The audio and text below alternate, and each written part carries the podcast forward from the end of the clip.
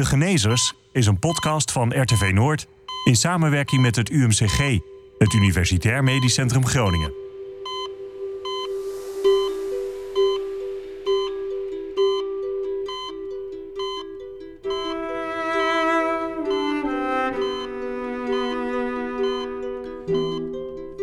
De Genezers is een podcast over ziekte en genezing, over methodes en ontwikkelingen in de medische wetenschap. Deze aflevering gaat over gezond ouder worden en waarom dat soms helemaal fout gaat, zoals bij Hanno Bos. Hij is 45 jaar oud en heeft de ongeneeslijke spierziekte ALS. Ik neem het leven zoals het komt en ik accepteer de ziekte die ik heb gekregen en ik probeer elke dag te genieten samen met mijn dierbaren. We zullen wel zien hoeveel tijd ik krijg. De genezer in deze aflevering is geen medicus, maar celbioloog, professor Ellen Nollen. Zij kijkt onder meer naar wat er misgaat in onze cellen bij ziektes als Parkinson, Alzheimer en ALS. Patiënten als Hanno hopen dat dat leidt naar de ontwikkeling van een medicijn en liefst zo snel mogelijk. Het is een redelijke eis gezien van, vanuit de patiënt natuurlijk. Schiet een beetje op. Ze hebben er niets aan als het nog twintig jaar duurt dat, en wij komen met een oplossing. Dus ik begrijp de eis volledig. Maar ik denk wel dat je om, uh, ja, om een oplossing te vinden, moet je echt begrijpen wat er op, op de eerste stappen misgaat. Met het afleggen van de eed van Hippocrates beloven dokters hun patiënten zo goed mogelijk te helpen. Zouden wetenschappers ook niet zo'n gelofte af moeten leggen? Ja, eigenlijk wel. En wat je doet tijdens promoties nu tegenwoordig, is eigenlijk als iemand promoveert, dan moet hij zeggen dat hij zich gedraagt naar de code of research conduct of zoiets, die, die, die vastgesteld is door de, ik denk door de KNW. Ja. En dan moeten ze dat beloven. Dus de Koninklijke Academie van Wetenschappen. Ja, dat moet ik nazoeken. Maar volgens mij is dat de, waar ze dan moeten zeggen van... ik, ik, ik houd mij aan die code van uh, research conduct. Ja. Dus dat doen ze eigenlijk wel. Ze leggen een soort eet af. Ja. En dat zou, nou ja, dat zou jij ook kunnen doen. Ik heb dat tijdens mijn promotie niet gedaan. Maar eigenlijk uh, zou ik dat ook moeten doen. Ja. Alsnog. Ja. ja. Goed, we gaan je op je woord geloven. Ja. Om te beginnen, um, wij bevinden ons in een gebouw... en er staat op de buitenkant ERIBA. Wat is dat? Dat is het uh, Europees Instituut voor Verouderingsbiologie. Dus ERIBA staat voor European Research Institute for the Biology of Aging. Oké, okay, en wat is hier Europees aan? Um, er is eigenlijk uh, het enige wat hier Europees aan is, is dat de startfinanciering voor een deel door de Europese Unie is gegeven. En uh, de, destijds, de decaan vond het denk ik wel interessant om het wat groter te trekken dan alleen maar Nederland en het een Europees instituut te maken. Oké, okay. wat gebeurt er in dit instituut? Hebben jullie een soort motto van: kijk, in één woord, in één headline, dit is wat wij doen hier? Ja, eigenlijk willen we um, experimenteel tot. Um, uh, in één lijn, wacht even, dan ga ik even rustig Ja, nadenken. denk Als ik in één lijn zou moeten zeggen, is het dat we eigenlijk um, in, willen ingrijpen in de biologie van veroudering om mensen langer gezond te laten leven.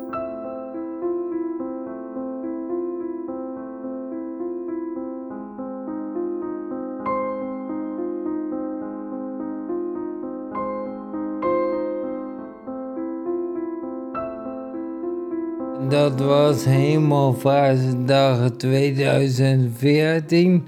We waren aan het snoeien rondom de boerderij. En direct na het snoeien kreeg ik veel last van krampen. En uiteindelijk heeft dat ervoor gezorgd dat ik naar de huisarts ben gegaan. En het hele proces van onderzoeken in ben gegaan tot aan de diagnose. Ja. En toen dacht je van, uh, het leven is voorbij, zo ongeveer. Ja, op het moment dat ik de diagnose kreeg in het UMC Utrecht en uh, de een neuroloog kwam het kamertje in om de uitslag te geven. Toen had ik direct zoiets, oké, okay, dit betekent een, ra een, radicale omslag in mijn leven. Ja. Dus uh, dit is mijn doodvonnis. Want ik had me al wel redelijk verdiept in dat het ook ALS zou kunnen zijn. En wat dat dan zou betekenen. Nou, wat wij hier doen is kijken van hoe komt het eigenlijk dat je veroudert. En dat op biologisch vlak, en dat gaat heel diep, het gaat eigenlijk in op de cellen. En, en, en ehm, ja, biologische processen die een rol spelen bij veroudering. Dus wat gebeurt er als je veroudert met onze eiwitten en ons DNA en onze cellen en de stamcellen enzovoort? Uh, dus het in kaart brengen van wat er gebeurt op heel fundamenteel gebied. En zijn we daar al ver mee? Daar zijn we al behoorlijk ver mee. Wij zijn natuurlijk niet de enige die dat hier doen. Er zijn in de wereld verschillende instituten, niet heel veel, maar verschillende instituten die dat als doelstelling hebben gemaakt. Dus we weten inderdaad al, al behoorlijk wat wat er gebeurt tijdens veroudering. Nou, vertel maar, wat weten we? Ehm, nou, we weten bijvoorbeeld ehm, dat er eh, schade ontstaat aan het DNA op verschillende de plekken. Bijvoorbeeld ook de uiteinden van de stukjes DNA die in onze cellen zitten, die worden steeds maar korter. En dat is één ding wat gebeurt tijdens veroudering en wat schade kan veroorzaken. We weten al dat er iets misgaat met ehm, de stamcellen. Die worden steeds minder in staat om, om zichzelf te vernieuwen en dus het lichaam te vernieuwen. We weten ook al dat er in het lichaam, ik noem nu een paar voorbeelden, ik ga niet tot in de treuren door, maar we weten ook dat er bijvoorbeeld in ons lichaam tijdens veroudering uh, bepaalde uh, cellen zich ophopen die niet zo goed zijn voor ons lichaam. Dus dat zijn, um, ja, dat is eigenlijk een bijproduct van het voorkomen van kanker. Dus als cellen te veel gaan delen of als er schade is, dan stoppen ze gewoon hmm. met delen. En eigenlijk zouden die opgeruimd moeten worden, maar deze die worden niet opgeruimd. Dus die, die hopen zich op tijdens veroudering. En die lijken een bepaalde schadelijke stoffen uit te scheiden. En als je die weghaalt, dan maak je eigenlijk het lichaam gezonder. En heeft het allerlei goede gezondheidseffecten. Dus op, ook op het, op het hart en op de hersenen enzovoort. En hebben we ook middelen om uh, die schadelijke cellen weg te halen? Um, wij hebben, als je inzoekt op die schadelijke cellen, zijn er nu een aantal. Um, ja, dat is, dat is niet per se van hier in, in Eriba. Maar wereldwijd zijn er nu een aantal uh, mogelijkheden gevonden om die inderdaad weg te halen. Er zijn ook een aantal, aantal bedrijven opgericht. Hier ook eentje in Eriba. Um, die gericht zijn op, dat, op het verwijderen van deze zogenaamde senescente cellen. En dat werkt ook. En dat heeft ook tot nou effect dat als ik, als ik een behandeling onderga, dat ik weer langer leef en een hogere kwaliteit van leven. Nou, laat ik hier even de disclaimer geven. Het gaat hier echt alleen nog maar om uh, experimenten in diermodellen.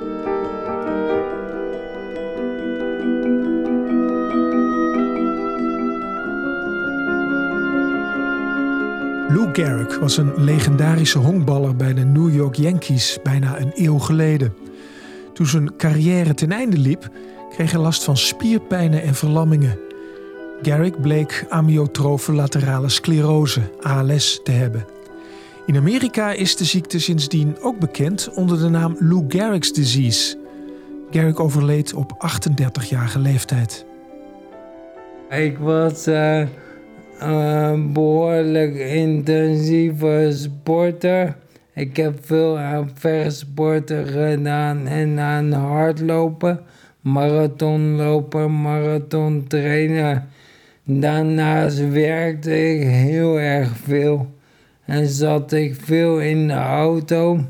Ik, um, ja, ik haalde heel veel uit het leven. Ik had een grote vriendengroep met wie ik veel uitjes had, motorrijden, concerten, festivals.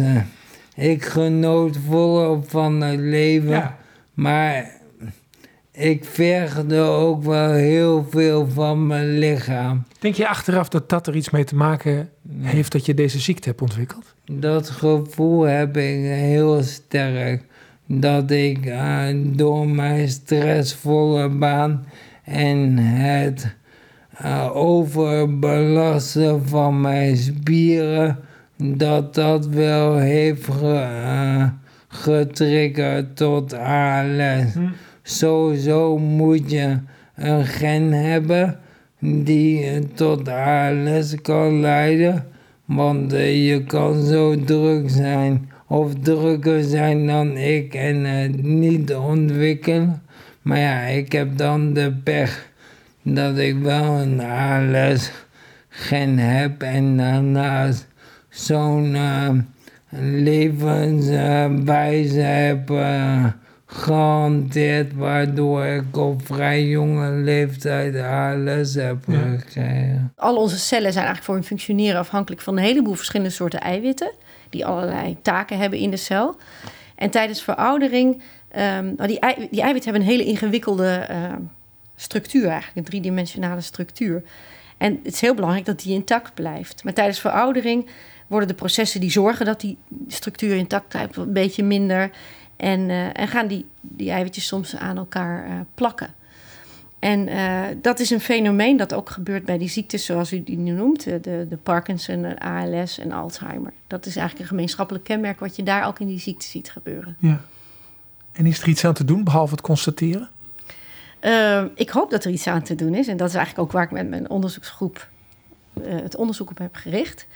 Uh, wij proberen uit te vinden hoe je ehm, de schade aan deze eiwitten tijdens veroudering kunt voorkomen. Ja. En welke kant gaat dat op, dat onderzoek? Ja, wij doen dat dus ook weer, zoals ik al zei, als we in Erikbaar doen met, met diermodellen. In, in ons geval beginnen we ons onderzoek vaak met um, piepkleine wormpjes die heel veel voor biomedisch onderzoek worden gebruikt. En dat, dat, doen we omdat die wormpjes, hoewel ze in niets op ons schijnen te lijken, toch aardig wat van ons DNA hebben? Ze lijken heel veel op ons. Ze oh. hebben voor zes, of, nou ja, niet uiterlijk, maar wel uh, innerlijk. Uh, voor 60% hebben ze dezelfde genetische of vergelijkbare genetische samenstelling. En uh, ook hoe hun cellen functioneren en hoe hun zenuwstelsel functioneert. Dus daar kun je dus heel goed gebruik van maken van ziektes waar iets mis is met het zenuwstelsel, zoals de. Ja, zoals die, die, die ziektes als ALS en Alzheimer en zo. Maar ook allerlei andere ouderdomsziekten. Het wordt heel veel gebruikt voor verouderingsonderzoek. Ja. En wij gebruiken dat dus om die, die, die schade aan die eiwitjes na te bootsen. En dat doen we uh, soms door te kijken wat gebeurt er met de eiwitjes van die wormpjes zelf als ze ouder worden. Maar wat we ook doen is die, uh, voor al die verschillende ziektes zijn eigenlijk hele um, ja, specifieke eiwitten die, die, die gaan klonteren. En uh, die brengen we met genetische trucjes in, in die wormen. En dan kunnen we dat proces volgen. Ja. Dus en, een beetje ongeveer wat, wat er bij ons gebeurt. En... Ja, dat, dat bootst na wat je ziet in de patiënten, de hersenen van patiënten. Ja. En dan kun je er ook iets aan doen om dat, althans in die wormpjes, tegen te gaan. Ja, dan kun, je er, dan kun je daar iets aan doen om het tegen te gaan. Eigenlijk zeggen wij van, we vragen dat wormpje om te, ons te vertellen, wat gaat er nou eigenlijk mis? En dat doen we door uh, uh, te kijken naar, door eigenlijk één voor één alle genen uit te schakelen in dat wormpje. En te kijken welke van deze veranderingen hebben nou een gunstig effect op die, uh, op die ziekmakende eiwitjes. Ja. Die zorgen ervoor dat die worm langer gezond blijft. Ja. En zo hebben we dat gedaan voor verschillende uh, ziekte-eiwitten, dus die betrokken zijn bij Alzheimer, uh, bij Parkinson, bij Huntington en ook bij ALS.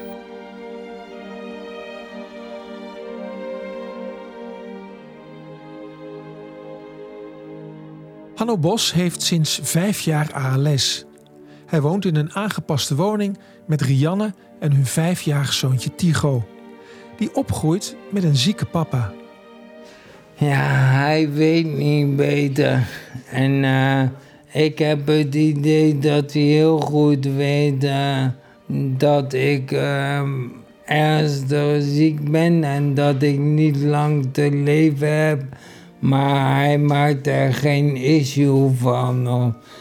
Ik heb niet het idee dat hij het daar heel zwaar mee heeft. We leven, we genieten, we hebben mooie momenten. En af en toe hoor ik hem wel zeggen of vragen: Ben jij er dan nog wel? Of, dus ja, het houdt hem wel ergens bezig, maar het slaat hem niet uit het veld. En hij geniet gewoon zoals een jongetje van vijf hoort te doen. Ja.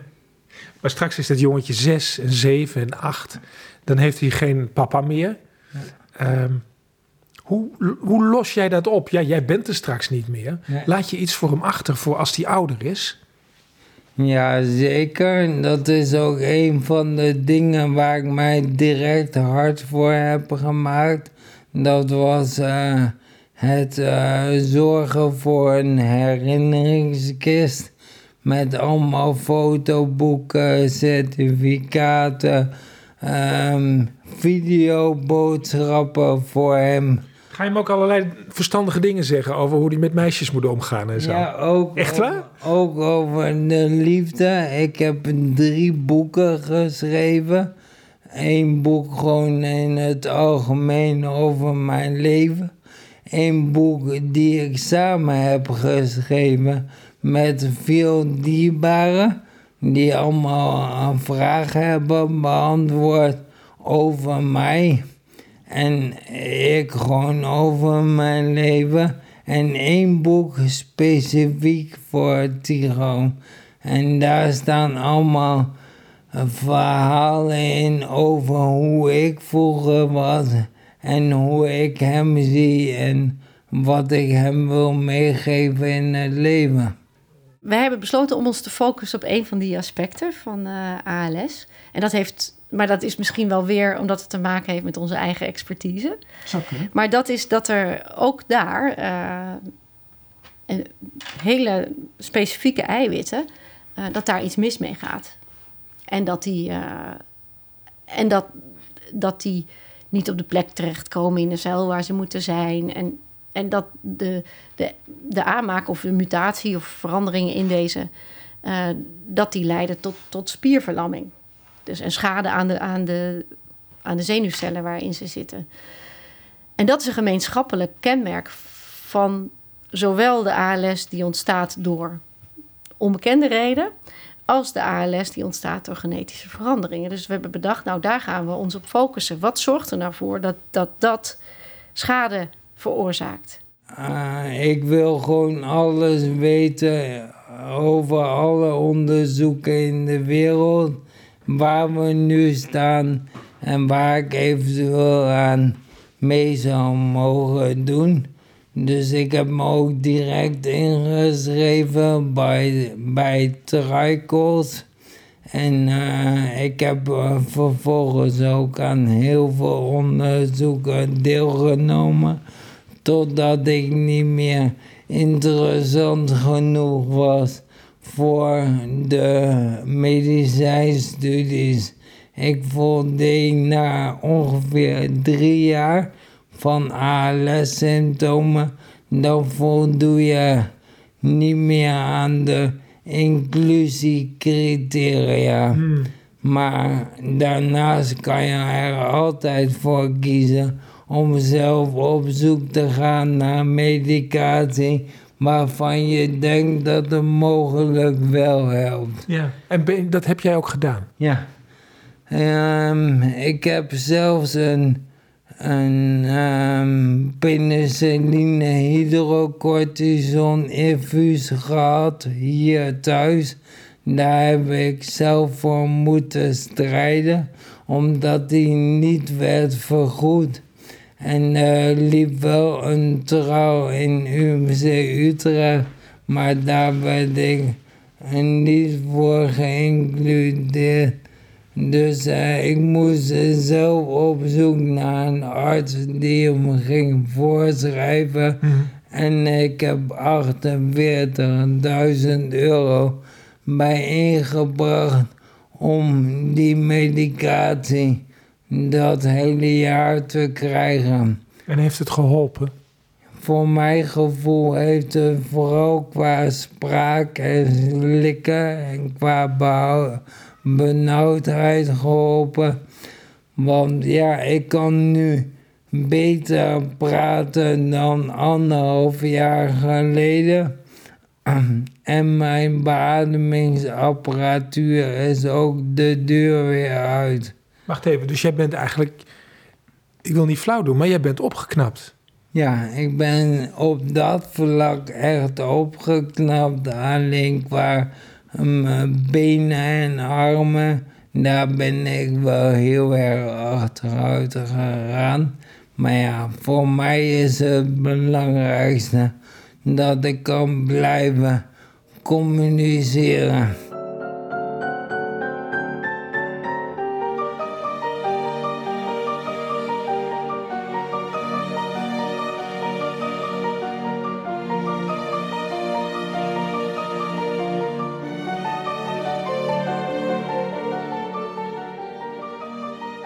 Gezond ouder worden zonder ziektes als Parkinson, ALS of Alzheimer. Je zou zeggen een streven waar we als maatschappij veel geld voor over hebben. Maar dat is niet zo. Tot nu toe merk ik dat, en dan ga ik weer even terug naar het verouderingsonderzoek, merk ik dat er in ieder geval in Nederland niet heel veel geld ingestoken wordt. Hm. Er zijn wel wat initiatieven nu, waar eh Erima ook bij betrokken is. En maar waar vooral eh, onderzoekers uit Leiden het initiatief hebben genomen om ehm, bij de regering geld te krijgen voor verouderingsonderzoek in Nederland. Ja. Maar dat komt langzaam op gang. Er is niet zo dat er bij de, de grote onderzoeksfinancier in Nederland, eh, NWO, dat daar grote programma's voor het onderzoek op het gebied van veroudering zijn. Of jullie komen niet met spannende aanvragen, dat kan natuurlijk ook. Dat kan heel goed zo zijn. Ja. Ja, ja, de- dat kan. dat kan ik niet uitsluiten dat ze het niet spannend genoeg vinden. Ja. Ik denk ook dat. ehm, Maar verbaast het je? Ehm, het verbaast me wel, ja. Want ik denk dat de veroudering van de wereldbevolking een van de grootste bedreigingen is. eh, ja, voor. eh, hoe zeg je dat? Eh, Dat dat een heleboel kosten met zich mee zal brengen voor. ook voor de Nederlandse regering op termijn. Ja. Omdat er zoveel ziektes mee gemoeid zijn waar nog niks aan te doen is. Ja. En ehm, dat, ja, dus ik begrijp niet zo goed dat, dat, eh, dat daar niet heel veel aandacht voor is. In Amerika eh, eh, gaat het allemaal heel anders, die, die, die geldstromen. Daar Ja. zijn ook veel particulieren en, en, Ja. en instellingen die daar geld in stoppen.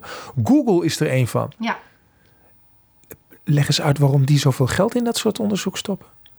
Ja, ik. ehm, maar die steken inderdaad heel veel, heel veel geld in dat onderzoek. Ehm, ja, waarom ze dat doen? Ik denk dat ze geïnteresseerd, dat zij die, de, die probleem wel zien aankomen. En ik kan me voorstellen dat zij de tools hebben om. om of, nou ja, ik probeer eventjes te bedenken waarom dat is. Ja, Ik een gemene beetje vraag. Dat is een gemene vraag. Ja, want ik, ik kan nu niet in hun eh, gedachten kijken waarom ze dit doen. Maar zij zien dit wel als een heel belangrijk probleem. Ja. En, en zij zien dat daar een mogelijkheid is om in te grijpen in veroudering om langer gezond te blijven. En dat is natuurlijk een interessant eh, ja, perspectief voor heel veel eh, mensen. Dus dat is niet alleen maatschappelijk van belang, maar het is voor mensen persoonlijk ook interessanter om langer gezond ouder te worden.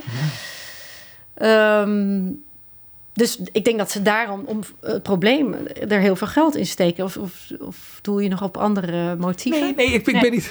Ja. Hoewel, we hebben natuurlijk eh, de laatste jaren een gezond wantrouwen ontwikkeld als het Ja. gaat om dat soort Ja, grote precies. bedrijven. Ja. Dus ja, nou ja, er zit natuurlijk ook. Ik neem aan dat er ook ergens een verdienmodel zit, zoals dat heet. Ja. Ja, dat, dat kan ik helemaal niet zo goed eh, Nee. inschatten. Maar ik weet wel hoe ze. eh, Ik heb zijdelings met ze te maken gehad. Dus het bedrijf Calico, wat gefinancierd is door eh, Google. In een soort van onderhandeling om te kijken of we tot een samenwerking konden komen. Maar wat daaruit dui- duidelijk werd, is dat ze een aantal kopstukken uit het bedrijfsleven, uit ja, biotechnologiebedrijven, hebben ingehuurd. En die proberen in te schatten of die, die zeggen eigenlijk het is van belang dat, dat iets wat gedaan wordt ook tot, uiteindelijk tot een medicijn kan eh, leiden. En, dan, en als je dat toch hebt over een verdienmodel, als dat, wel zo is. Precies. En ik denk dat natuurlijk, zij begrijpen ook wel dat als je een medicijn kunt ontwikkelen tegen Alzheimer, dat dat een enorm veel inkomsten zal brengen.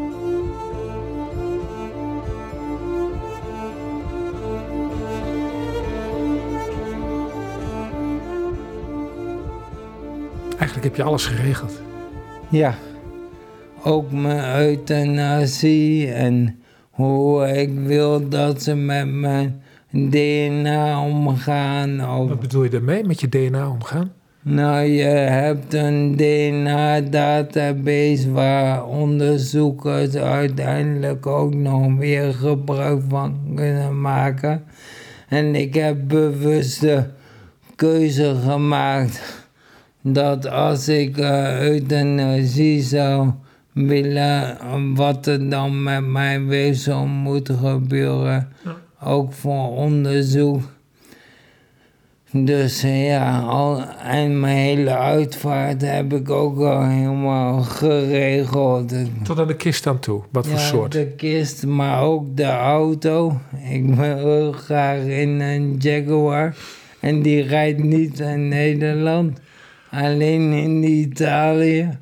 Dus die heb ik ook geregeld.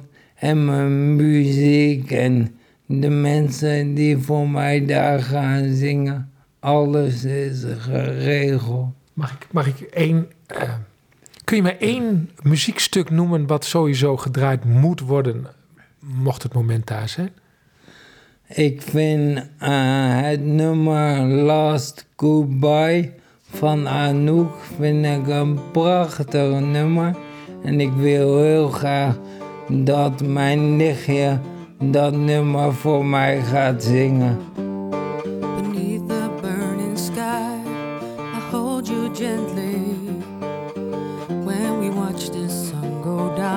heavenly.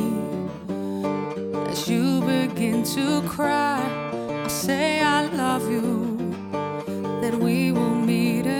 Someday. I know it's true.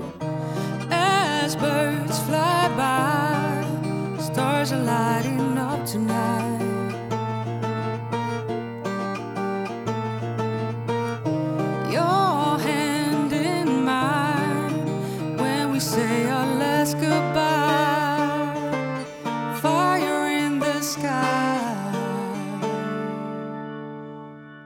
Als jouw kinderen jouw leeftijd bereiken zoals je die nu hebt, ja. is hun levensverwachting dan een stuk hoger dan die van ons nu? Dat denk ik wel. En waar ligt dat dan aan? Um, dat is een interessante vraag natuurlijk. Ik hoop het wel. Ik hoop in ieder geval de levensverwachting niet alleen, want daar hebben ze niet zoveel aan. Maar dat ze dan inderdaad langer gezond kunnen leven. Ja. En ik denk dat dat ligt aan de enorme uh, ontwikkelingen op met name ook op het vakgebied waar wij ons in begeven. Dus het omzetten van of het, het stoppen van bepaalde verouderingsprocessen, waardoor je in het algemeen de, de, de ziekte, ja, de, het ontstaan van ziekte naar voren schuift of vertraagt. Um, Gaan zij naar klinieken toe en laten zich één keer in de zoveel tijd eens even goed schoonmaken en alle vuile cellen weghalen? Nou ja, dat is eigenlijk een beetje het, het, het het futuristische idee dat we hier hebben, waar we, na, waar we naartoe werken. Dus dat je in plaats van dat je naar de dokter gaat als je ziek bent, dat je inderdaad een regelmatige schoonmaakbeurt of een reset uh, krijgt. Of zo, weet je, dat, dat je even een knopje drukt en dan kan je weer een tijdje schoon verder. Dat is eigenlijk wel, uh, wel het idee. Dat hoeft niet per se met het verwijderen van zieke cellen te zijn. Nee. Maar dat kan ook zijn dat je je stofwisseling uh, even bijstelt. Want ook daar zijn mensen hier in het instituut mee bezig. Dus ja, zo, zo zien we dat voor ons. Dat zou ideaal zijn. Ja, het zou ideaal zijn. Zie je het ook gebeuren? Gezien de hoeveelheid, uh, ja, gezien de aandacht die ervoor is en de, type clinical trials die nog gaande zijn, die echt gericht zijn op, op dat doel, zie ik het echt gebeuren. Ja. Deze podcast is gemaakt door Janneke Kruse en Marjolein de Winkel van het UMCG. Techniek Meralda Smit. Mijn naam is Pieter de Hart. Er zijn meer afleveringen van De Genezers.